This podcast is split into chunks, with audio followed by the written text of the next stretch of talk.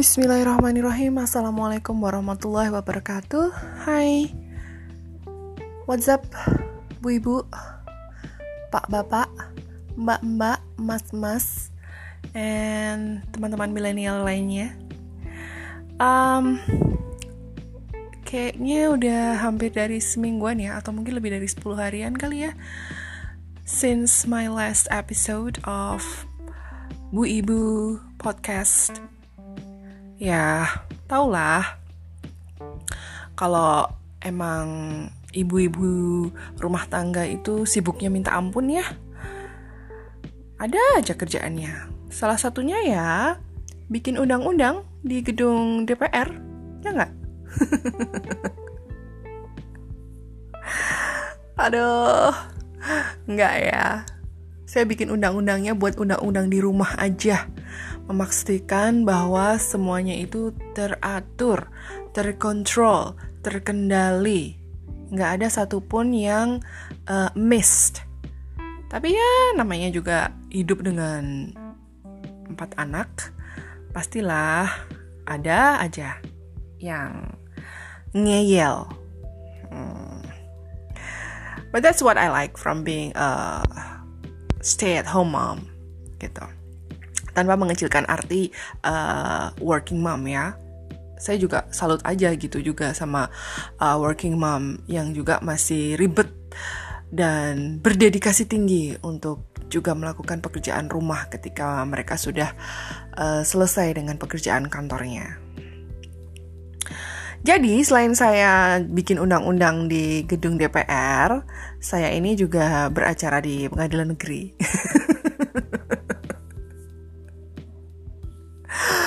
bohong bohong bohong bohong. No. Uh, not right now I guess. Uh, maybe it was a long time ago when I dream about it. Maksudnya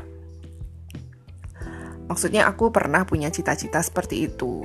Menjadi seorang lawyer uh, advokat untuk bisa beracara di pengadilan di sidang pengadilan kayak gitu. That's why um, pada saat akhirnya harus memutuskan mau kuliah di jurusan apa, dulu itu aku uh, memutuskan untuk memilih kuliah di Fakultas Hukum.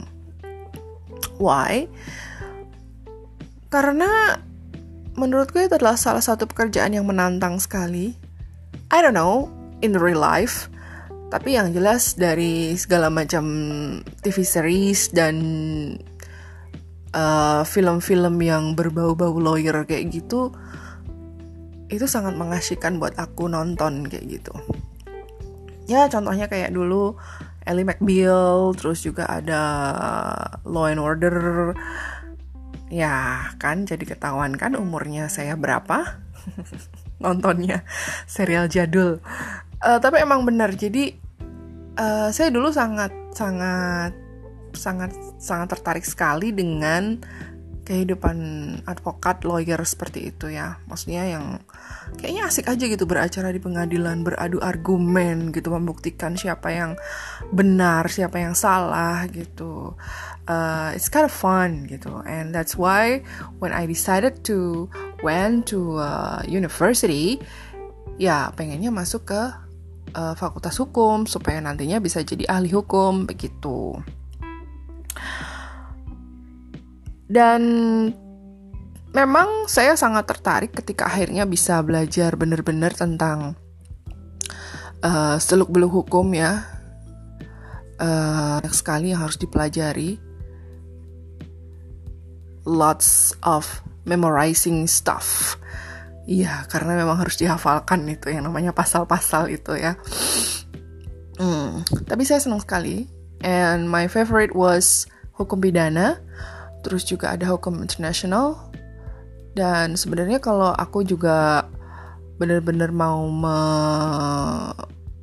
men, mempelajari lebih dalam lagi aku sebenarnya suka banget dulu sama yang namanya uh, ilmu kedokteran kehakiman which is right now mungkin judulnya adalah kedokteran forensik ya. Ya saya juga dulu waktu sekolah SD SMP itu pasti juga pengennya kalau ditanya cita-citanya mau menjadi apa pengen jadi dokter gitu. Wah pas dong. Pas SD pengen jadi dokter. Eh pas kuliah pengennya jadi pengacara. Pengen jadi ahli hukum. Kan pas tuh. Jadi dokter forensik. Tapi sayangnya aku nggak bisa jadi dokter. Matematikanya jelek men. Nah jadi ini hal yang mengasihkan buat aku kuliah di jurusan hukum dulu. Um, mulai terbuka wawasannya gitu. Ternyata yang bekerja di bidang hukum itu tidak cuman lawyer, tidak cuman hakim, tidak cuman jaksa, tapi bisa uh, merambah ke bidang-bidang yang lain gitu. Cuma kenapa kok sekarang aku tidak bekerja sebagai uh, seseorang yang notabene berkecimpung di dunia hukum. Well, I have to tell you some stories about this. Kenapa kok akhirnya nggak terjun ke bidang hukum? Baik itu yang akademis maupun yang profesional gitu ya. Um, di tahun 2003 akhir setelah aku menjalani KKN kuliah kerja nyata dulu um, ada sempat terbersit keinginan untuk menjadi seorang broadcaster alias penyiar radio radio DJ gitu kebetulan ada radio baru yang lagi buka rekrutmen gitu Coba dong, ngelamar dong gitu. Nah, ini juga ada ceritanya. Kenapa kok kepengen banget jadi broadcaster? Iya, karena aku memang tumbuh besar dari waktu di kota kelahiranku dulu itu adalah aku tumbuh besar itu dengan iringan eh, musik-musik uh, dari radio, iringan siaran radio gitu. Jadi aku belajar, aku di kamar itu aku selalu nyetel radio dan bahkan ketika tidur pun aku harus nyetel radio. Nggak bisa tidur kalau nggak ada radio, bunyi gitu nggak bisa. Dan I found out that ketika dengerin uh, penyiarnya itu bercuap-cuap gitu ya, bahasanya jadul banget ya men. Ketahuan deh pasti ketumur umur aku ini. Jadi uh, aku merasa bahwa eh ini suaranya enak banget didengerin, terus juga cara ngomongnya juga enak banget gitu kan. Nah, so I am inspired. I was so inspired. Uh, kayaknya asik ya kalau kerja jadi penyiar tuh ya. Kita uh, duduk. Ya yang gue bayangkan waktu itu adalah siaran ya pasti sambil duduk gitu ya. Duduk dan kita bebas ngomong apa aja dengan gaya kita. Lalu kita juga bisa uh, muterin lagu-lagu kesukaan kita. Atau at least lah kita muterin lagu-lagu yang emang oke okay buat didengerin gitu ya itu menjadi salah satu uh, ambisiku juga gitu.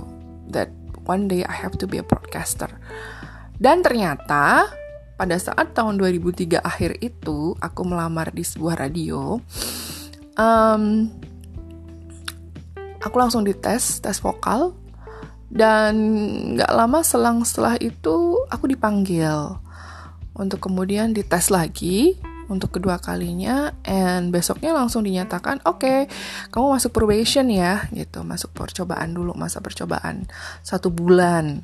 Ya. Lancar. Alhamdulillah.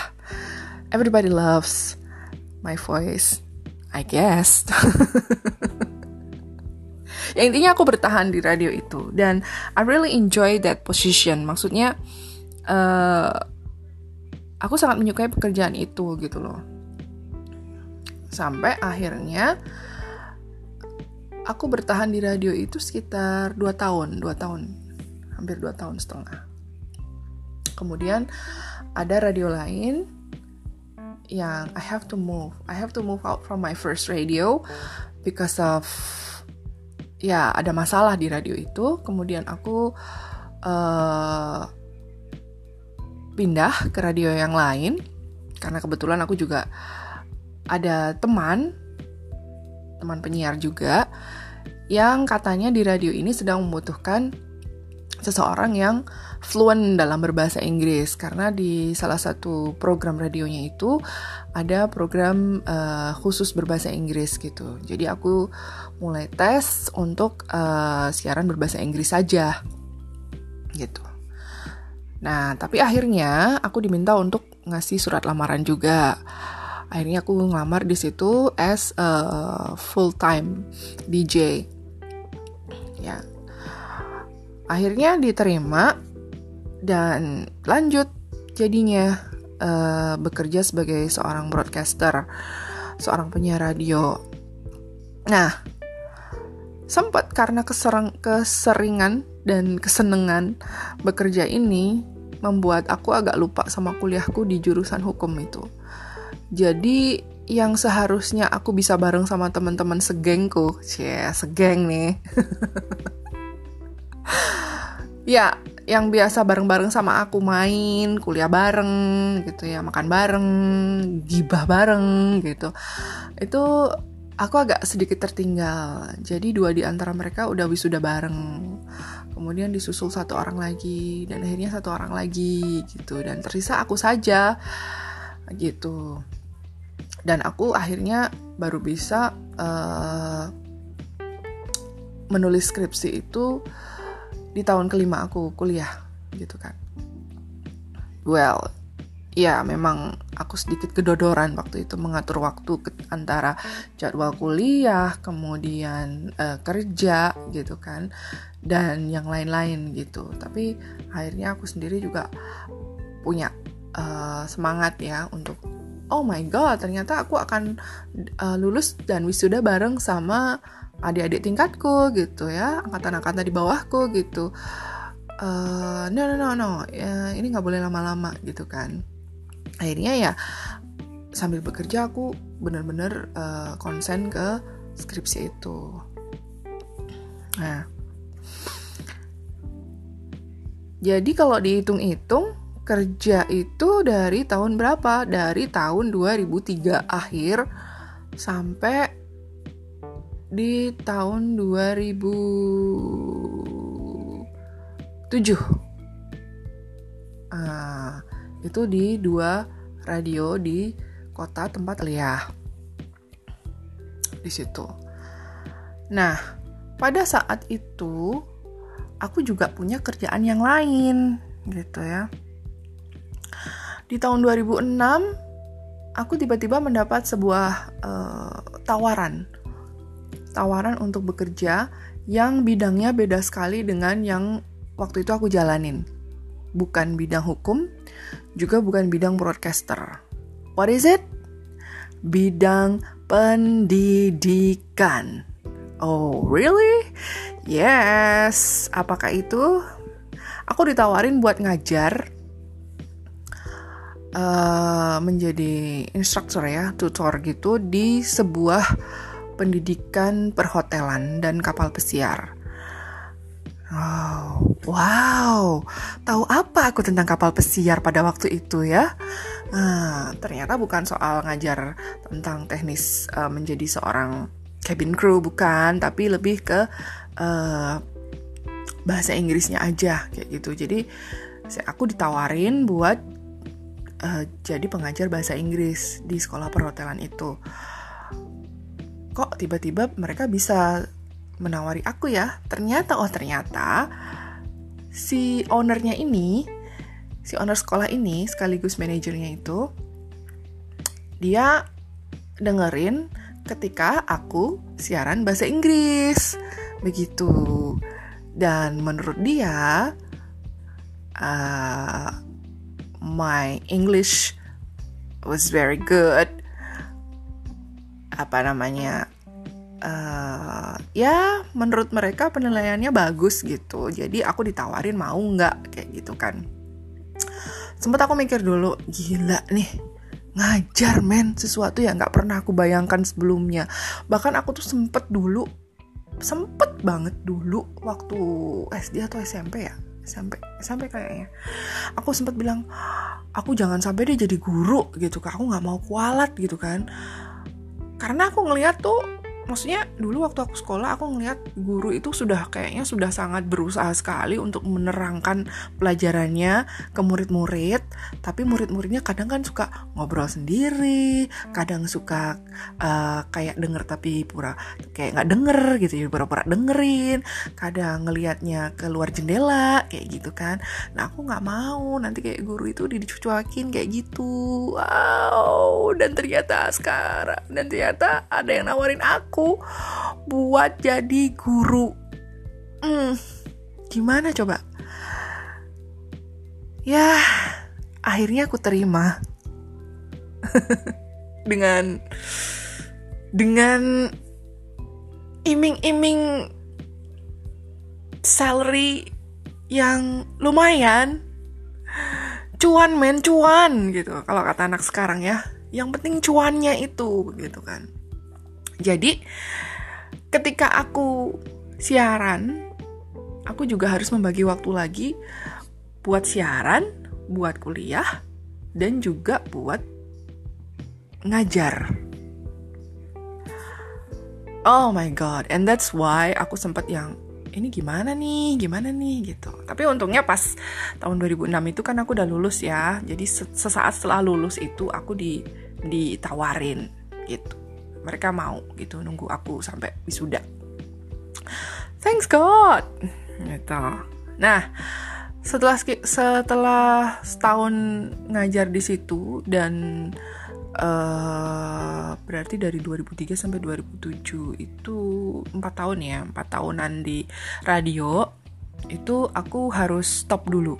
Aku harus pulang ke kota kelahiranku karena aku dapet kabar kalau uh, pada saat itu ayahku stroke gitu kan. Nah um, aku minta buat aku pindah ke radio aja gitu. Kebetulan radioku tempat aku kerja itu punya grup gitu kan. Ada grupnya. Jadi aku minta dipindah ke grup yang ada di Solo gitu. Ups ketahuan deh. Nah akhirnya aku pindah kan pulang. Pulang kampung tapi tetap dengan uh, pekerjaan yang sudah menanti kayak gitu. Nah aku akhirnya tetap kerja lagi sebagai seorang yang uh, eh, DJ baru istilahnya. Karena aku baru pindah di situ jadi perlakuannya kayak kayak uh, penyiar baru kayak gitu. That's fine gitu. Nah di tempat yang baru ini um, actually I kinda enjoy gitu. Tapi ada beberapa hal yang membuat aku akhirnya harus harus memutuskan untuk cabut gitu. Uh, I don't wanna work there anymore. Ya karena ma menurutku masalah internal aja yang I don't wanna work in this kind of atmosphere. Uh, itu bikin aku mentally not health gitu ya karena sebenarnya aku pengen banget maju gitu tapi too many boundaries dan uh, orangnya itu semacam ada persaingan gitu loh. Jadi bukan nge-push ayo kita maju bareng-bareng tapi um, ada individually competition yang kayaknya memang nggak sehat aja gitu. Akhirnya aku memutuskan untuk I have to resign. I had to resign from that. Jadi aku udah nggak jadi broadcaster lagi di situ. Nah jadi itu sampai pertengahan tahun 2008 so setelah itu apa yang aku lakukan? Nah yang aku lakukan uh, pada saat itu aku ngelamar ngelamar kerja di tempat lain. Kebetulan ada salah satu teman yang merekomendasikan untuk bisa mengajar lagi gitu kan. Coba deh kamu kerja di tempat aku. Aku kalau aku sih kebetulan aku freelance di tempat aku kerja dia bilang gitu kan. Dan ternyata dia itu pengajar bahasa Inggris di sebuah sekolah perhotelan juga gitu. Akhirnya kayaknya mereka lagi nyari ini deh lagi nyari dosen tetap deh gitu. Ya udah aku coba buat uh, ngelamar gitu. Ini adalah sekolah perhotelan uh, yang scale-nya besar gitu ya, sudah cukup ternama. Dan aku beranikan diri untuk melamar di situ dan ternyata kompetitorku itu banyak yang lamar juga dan mereka nggak main-main ya. Ada yang memang sudah lulusan uh, eh, FKIP bahasa Inggris dan sudah pernah mengajar bahasa Inggris di lembaga-lembaga bimbingan belajar kayak gitu. Me, aku cuma punya pengalaman satu tahun ngajar dan aku nggak punya sertifikat guru istilahnya ya sertifikat untuk mengajar. Uh, aku cuma punya modal I can speak English fluently, that's all gitu dan akhirnya aku menjalani tes interview kemudian besoknya ada uh, micro teaching test gitu. Dan alhamdulillah sih nggak lama sekitar semingguan uh, aku dihubungi lagi dan dinyatakan diterima. Lalu probation. Uh, ya udah akhirnya aku um, kerja lagi deh gitu. Lagi-lagi di dunia pendidikan. Um, apakah menyentuh dunia hukum sama sekali? No. Nggak ada hubungannya sama sekali. Totally ngajarin bahasa Inggris. Jadi mempersiapkan uh, anak-anak muda yang memang visinya akan bekerja di dunia perhotelan, pariwisata, bekerja di kapal pesiar itu dengan membekali mereka dengan bahasa Inggris ya kan? Kalau karena mereka pasti akan going abroad or something. Dan kalaupun misalnya nggak going abroad atau cuma di Indonesia saja pasti mereka akan bertemu dengan turis-turis asing seperti itu. Huh, sampai kapan aku bekerja di dunia pendidikan? It's quite long. Uh, sampai pertengahan tahun 2010 sampai aku memutuskan untuk resign karena aku harus uh, melahirkan anak pertama. Banyak sih yang uh, teman-teman di kantor itu kenapa harus resign gitu kan? Uh, cuti aja sih gitu. Nanti bisa ngejar lagi gitu. Well, I have my own consideration pada saat itu karena aku sudah lama banget uh, menjalani long distance relationship ya bareng sam uh, sebelum menikah pun aku sudah menjalani long distance relationship itu sekitar uh, tiga tahun. Dari 2006 sampai mau menikah pun masih long distance relationship. Sampai mau punya anak pun jadi setelah aku menikah kami melanjutkan long distance marriage.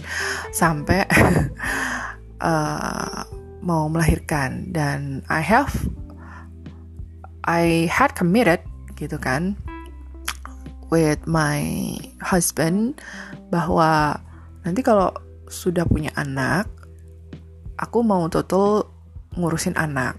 Aku bilang kayak gitu. Jadi um, aku I don't feel regret about quitting my job gitu. Uh, justru Eh, masa-masa uh, untuk bisa making family itu aku tunggu banget gitu. Makanya aku memutuskan untuk uh, resign. Dan suamiku juga udah bilang bahwa oke okay, nggak apa-apa. I believe you can do it gitu. Dalam artian kamu pasti bisa buat ngurusin anak sendiri kayak gitu. Dan memang aku memutuskan untuk resign uh, pas awal bulan sebelum aku melahirkan. Dan kemudian aku pindah ke kotanya suamiku untuk kemudian eh, siap-siap uh, buat ngelahirin anak yang pertama. Kayak gitu. Nah setelah melahirkan apakah aku bekerja lagi? Mm, not really. Aku kerja lagi itu mulai setelah anakku itu selesai asi eksklusif. Ya jadi aku memang memang bisa dibilang total banget deh waktu itu uh, ngurusin anak pertama. Bener-bener yang asi eksklusif dijaga banget. Jadi nggak nggak mungkin aku tinggalin dia gitu kan. Uh, ke mana-mana dibawa.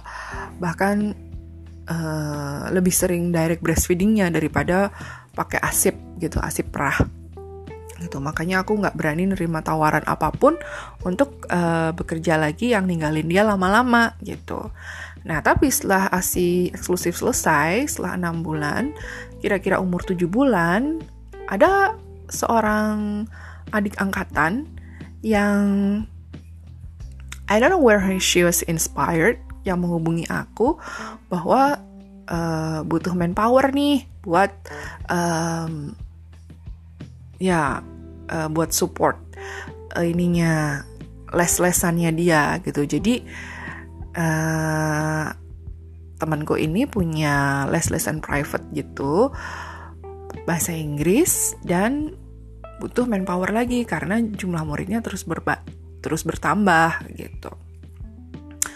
Baiklah, setelah banyak sekali perbincangan diskusi tentang bagaimana pengaturan waktunya, tempatnya di mana, apakah bisa muridnya yang datang ke rumah uh, ke rumahku kayak gitu. Akhirnya I said deal gitu. Ada kesepakatan di antara kami bahwa aku akhirnya menjadi salah satu tim di tim pengajar di les-lesan private ini gitu. Nah, uh, enjoy sampai akhirnya tahun 2012 awal itu aku pindah lagi ke kota lain karena suamiku ditempatkan untuk dinas di kota lain. Jadi aku harus putus dulu untuk kerja uh, ngelesin bahasa Inggris secara privat gitu. Nah, selama kurun waktu itu, uh, nah di kota ini, di kota yang baru ini, aku bisa dibilang hampir lima tahun ya, lima tahun apakah aku juga ngeles ngelesin ngelesin ngeles ngelesin jadinya? Uh, ngasih les privat maksudnya. Um, no nggak sempet. Uh, dan tempat di mana aku tinggal itu orangnya mungkin tidak terlalu melek dengan yang namanya les-les kayak gitu ya extracurricular uh, stuff yang abis sekolah harus mau ambil les bahasa Inggris atau apa nggak ya sekolah sekolah aja. Abis itu ya main kayak gitu. Jadi ya ya oke okay lah gitu. Tapi aku ngelakuin hal yang lain uh, untuk tetap bisa berkarya boleh kalau dibilang itu kayak gitu ya. Uh, atau misalnya aku um, mendapatkan penghasilan gitu um, paling ya dapatnya project translate kayak gitu. Terus udah sih. Lebih banyak sih di rumah. Palingnya jual-jualan apa kayak gitu ya. Jualan batik jualan baju. So far cuman itu. Nah kalau ditanya sekarang apakah masih ingin bekerja di kantor misalnya seperti dulu yang setiap hari berangkat pagi dari jam 8 pulang jam 5 sore dengan pakaian rapi gitu kan. Pernah pernah ada ke keinginan untuk seperti itu lagi gitu ya. Apalagi pada saat aku uh, traveling waktu itu sekeluarga ke Semarang kalau nggak salah aku pada saat menyusuri jalanan Semarang itu aku lihat banyak sekali pegawai-pegawai kantor berpakaian rapi itu baru keluar di jam-jam pulang kantor kayak gitu. Dan kantornya megah gedungnya tinggi. Aku sempat yang kapan ya aku bisa kayak gitu lagi ya? Gitu kan. Tapi kemudian aku lihat anakku. I have three kids. Pada saat itu masih tiga anaknya. I have three kids, and I'm sure they also need my attention every day 24/7. Gitu. Dan akhirnya ya udah aku cepet-cepet delete aja itu tadi. Bayangan bisa menjadi wanita karir lagi gitu kan karena memang karirku ya mungkin di rumah gitu. Eh ternyata tambah lagi satu anaknya di tahun 2018 ya sudahlah. Mungkin working mom seperti yang orang-orang pikirkan yang harus pergi pagi, pulang sore, kerja 9 to 5, kemudian pakai blazer, pakai high heels, or whatever, bawa laptop, bawa jinjingan gitu kan. Aku mungkin harus membuang jauh-jauh itu gitu karena ada hal yang lebih penting yang harus aku pikirin setiap hari, yang harus aku kasih perhatian setiap hari.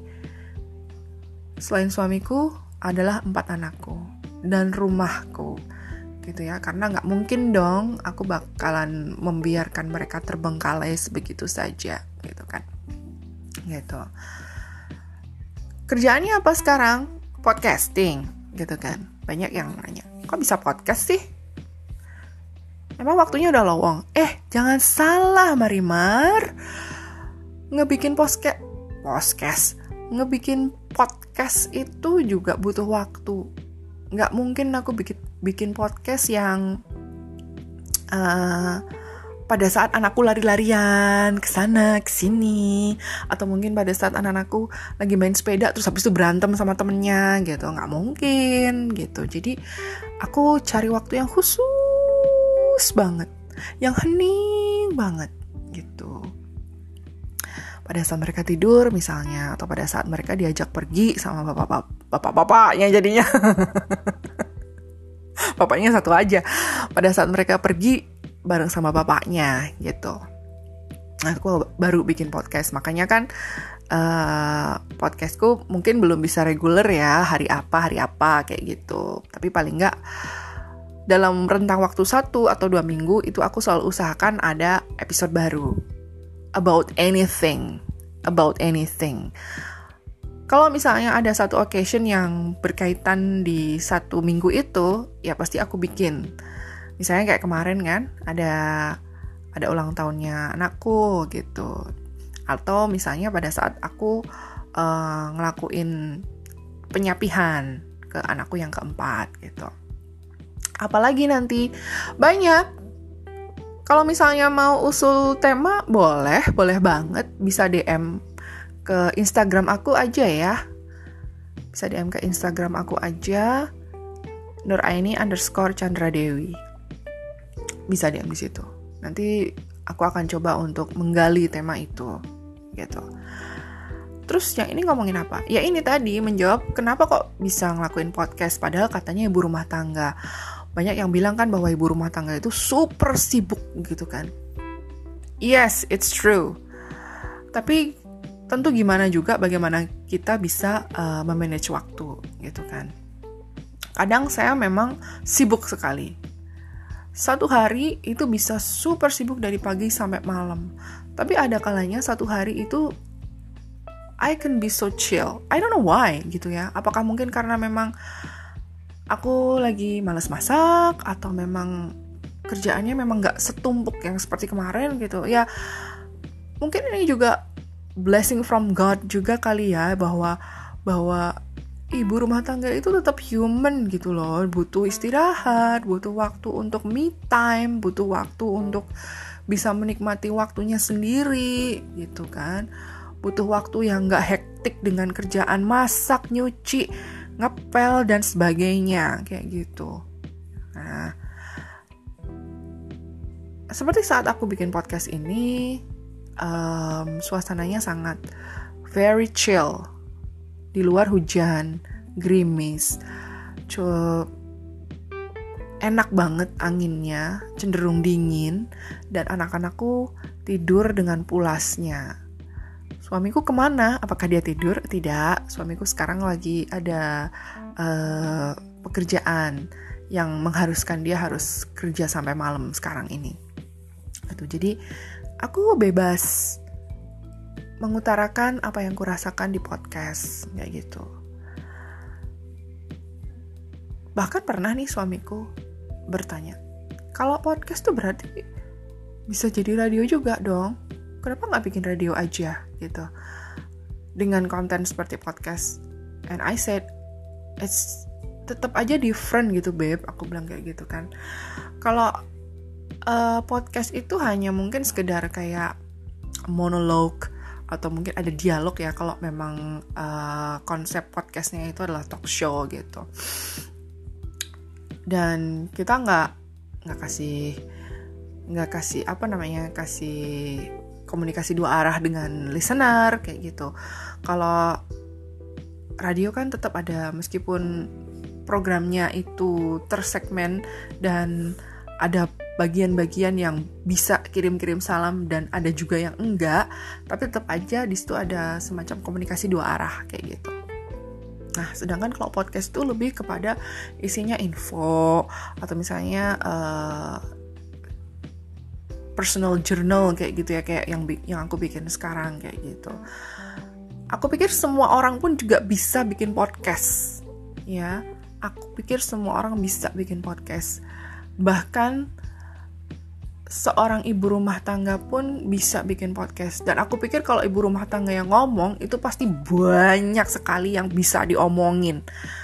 Dari mulai anak lahir cenger sampai kegiatan sebelum tidur itu banyak sekali yang bisa diomongin. Jadi ayo bu ibu bu ibu yang memang punya apa ya potensi untuk ngibril-ngibril banyak, gunakanlah waktumu untuk bisa bikin podcast. Ngobrol apa aja lah. Ngobrolin soal sambal terasi juga bisa kok, ya nggak? Nah, lain kali aku mau bahas soal sambal terasi ya. Lain kali ya, nggak sekarang. Gitu. Jadi, why am I podcasting? Ya, karena aku pengen menggugah menggugah apa ya pertama aku pengen menyuarakan isi pikiranku aja kayak gitu um, Terus yang kedua, aku ingin menghapus tipikal stay at home mom yang terlalu sibuk dengan hal-hal pekerjaan rumah tangga yang gak habis-habis kayak gitu bahwa ternyata tetap ada kok waktu untuk bisa sendiri dan bikin karya walaupun hanya dengan sekedar merekam suara dan nge-publish episode dari podcast kayak gitu. Ada pertanyaan, do I tend to ignore my children when I do my podcasting? No, no, no, no, not at all. No. I have to make sure that my children first are clean. And then I have to make sure that they are well fed and they have their own activities to make them busy also. And just like right now, I have to make sure they sleep tight. Itu aja sih. Nah, jadi tidak ada kecenderungan untuk kemudian mengabaikan keempat anakku ketika aku bikin podcast kayak gini gitu loh. Jadi aku harus memastikan bahwa semua sudah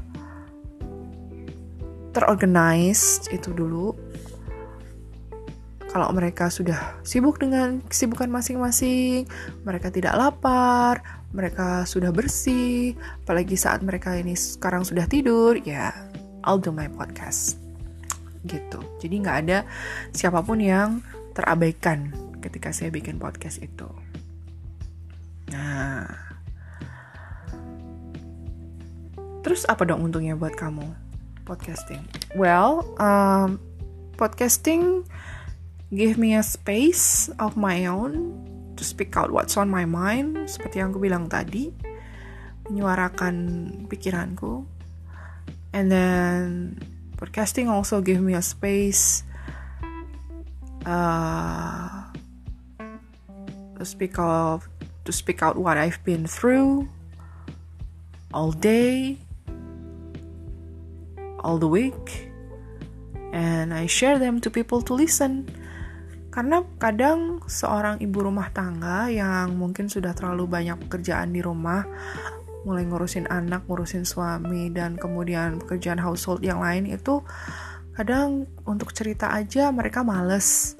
Karena mereka masih ada kecenderungan bahwa nanti kalau aku cerita nggak didengerin. Kayak gitu loh. ya kan bahkan kadang ada kecenderungan bahwa Allah kamu itu cuma ibu rumah tangga. Nah itu. Itu yang I really hate that kind of perspective kayak gitu kan. Nah itu loh. Makanya aku pun berharap ketika aku melakukan podcasting seperti ini well I hope that I can change people's uh, people's perspective ya yeah, of what a stay at home mom should be or should do gitu loh ya especially ketika seorang stay at home mom itu got no one to assist. As if like a maid gitu ya. Nggak ada pembantu sama sekali. Dan dia melakukan semua pekerjaan rumah tangga itu sendiri. Gitu. Ya. Nah emang podcasting itu me time kamu ya? Ya ada juga yang nanya kayak gitu. Ya sort of. Podcasting is like my me time a runaway time from the business and the routines I guess. Sekali lagi karena aku bisa uh, mengutarakan pikiran aku. Gitu okay.